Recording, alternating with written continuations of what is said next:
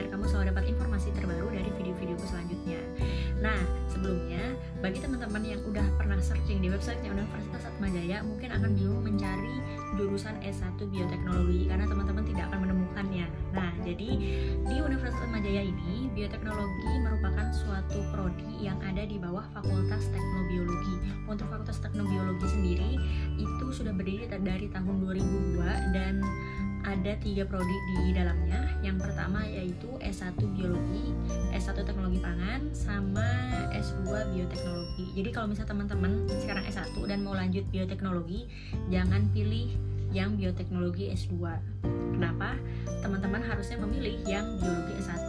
Nah, mungkin teman-teman bingung, kok namanya biologi kan maunya masuk bioteknologi. Nah, jadi di Universitas Atmajaya ini uh, kalau teman-teman lihat di websitenya bagian home di situ ada penjelasan kalau nama prodinya memang biologi tapi secara konten dari mata kuliahnya yang 144 SKS itu membahas tentang bioteknologi. Cuma namanya memang biologi.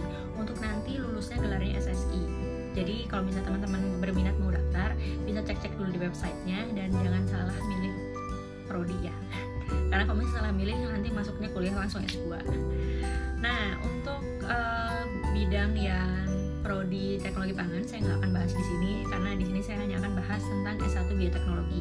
Nah, dari 144 SKS tersebut terbagi menjadi uh, eh, 8 semester uh, di mana setiap semesternya itu berisi SKS yang berbeda-beda jumlahnya.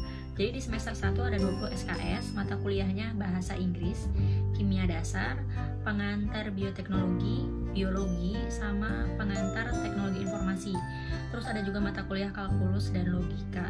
Jadi teman-teman yang berusaha menghindari matematika dengan masuk bioteknologi, sayang sekali karena di bioteknologi itu masih akan ketemu kalkulus mulai dari semester 1 di Universitas Majaya ini.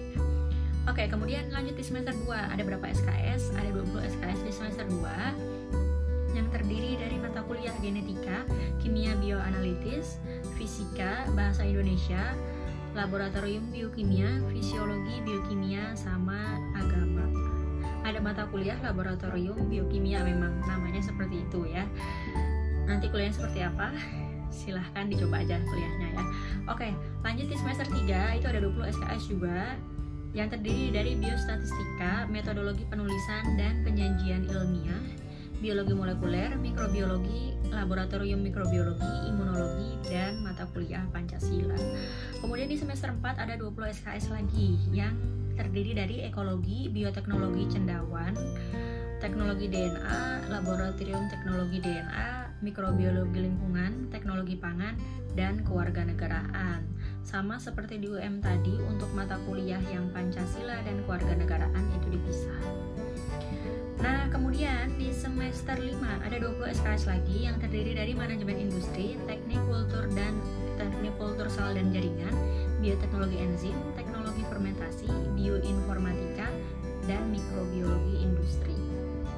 Nah, di semester 6 ada mikrobiologi tanaman, ada bioteknologi tanaman, pemasaran produk teknologi tinggi, rekayasa bioreaktor, pengandalian pencemaran lingkungan dan bioremediasi biologi molekuler keragaman prokariot dan 5 pilihan 5 mata kuliah pilih 5 SKS mata kuliah pilihan ya. Jadi totalnya di semester 6 ada 20 SKS untuk mata kuliah pilihannya apa aja yang bisa diambil di semester 6 ini teman-teman bisa pilih salah satu bukan salah satu sih beberapa. Karena untuk mata kuliah pilihannya ini ada yang 3 SKS ada yang 2 SKS mata kuliah pilihannya ada apa aja? Ada virologi prinsip bioteknologi peternakan teknologi fermentasi pangan tradisional, multikulturalisme, pangan fungsional dan nutraceutikal, bioprospeksi mikrobiologi, sama pemodelan struktur protein. Nah, teman-teman bisa milih sesuai dengan yang teman-teman minati. Dan minimal ngambil 5 SKS ya. Jadi seandainya aku mau ngambil lebih dari 5 SKS ya silahkan aja. Cuma uh, sebenarnya dibuat maksimalnya 5 SKS karena mata kuliah apa karena mata kuliah yang ada di semester tersebut sudah cukup berat.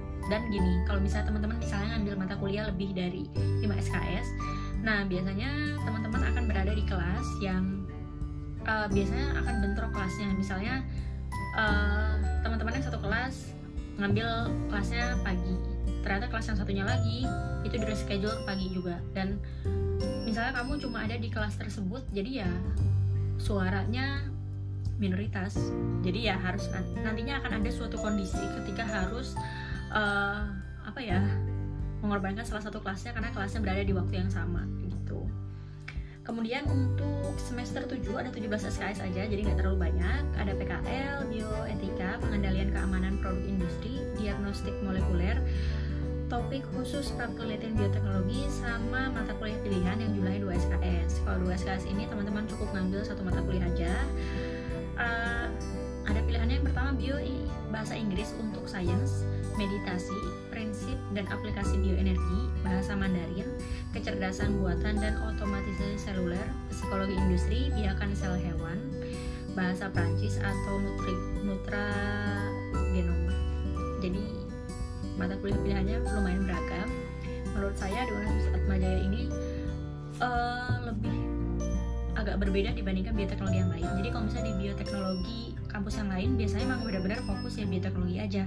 Tapi di, di sini mata kuliah pilihannya ada meditasi bahasa Mandarin bahasa Prancis jadi kalau misalnya teman-teman merasa lelah dengan bioteknologi dan pengen mata kuliah lain gitu nah ini teman-teman bisa dapat apa ya refreshing di antara bioteknologi bioteknologi tersebut. Karena kenapa? Kalau misalnya kayak teman-teman masuk bioteknologi di UB semua yang mata kuliah yang dasar-dasarnya kayak bahasa Indonesia terus udah itu mikro apa biologi dasar fisika dasar matematika dasar itu udah dihabisin di semester 1 sama semester 2 setelah itu semester 3 dan selanjutnya benar-benar full bioteknologi sampai sampai muak sama bioteknologi kalian. Ya nah oke okay, segitu untuk semester 8 nya seminar sama tugas akhir yang totalnya 7 SKS dan ini wajib. Jadi kalau bagi teman-teman yang tanya apakah tugas akhir atau skripsi itu wajib atau tidak itu wajib di semua kampus di semua prodi dan di semua jurusan skripsi itu wajib. Jadi nggak bisa skripsi jadi pilihan. Ya jadi kalau misalnya yang teman-teman sekarang baru masuk kuliah terus sudah itu dikasih tahu sama kakak tingkatnya bahwa skripsi itu berat sekali emang skripsi itu berat sekali dan itu bukan pilihan. Jadi kalau misalnya kuliah S1 ya pasti akan ketemu skripsi nantinya. Kecuali teman-teman dapat fasilitas bebas skripsi uh, tapi itu juga nggak berlaku untuk semua kampus dan semua prodi ya.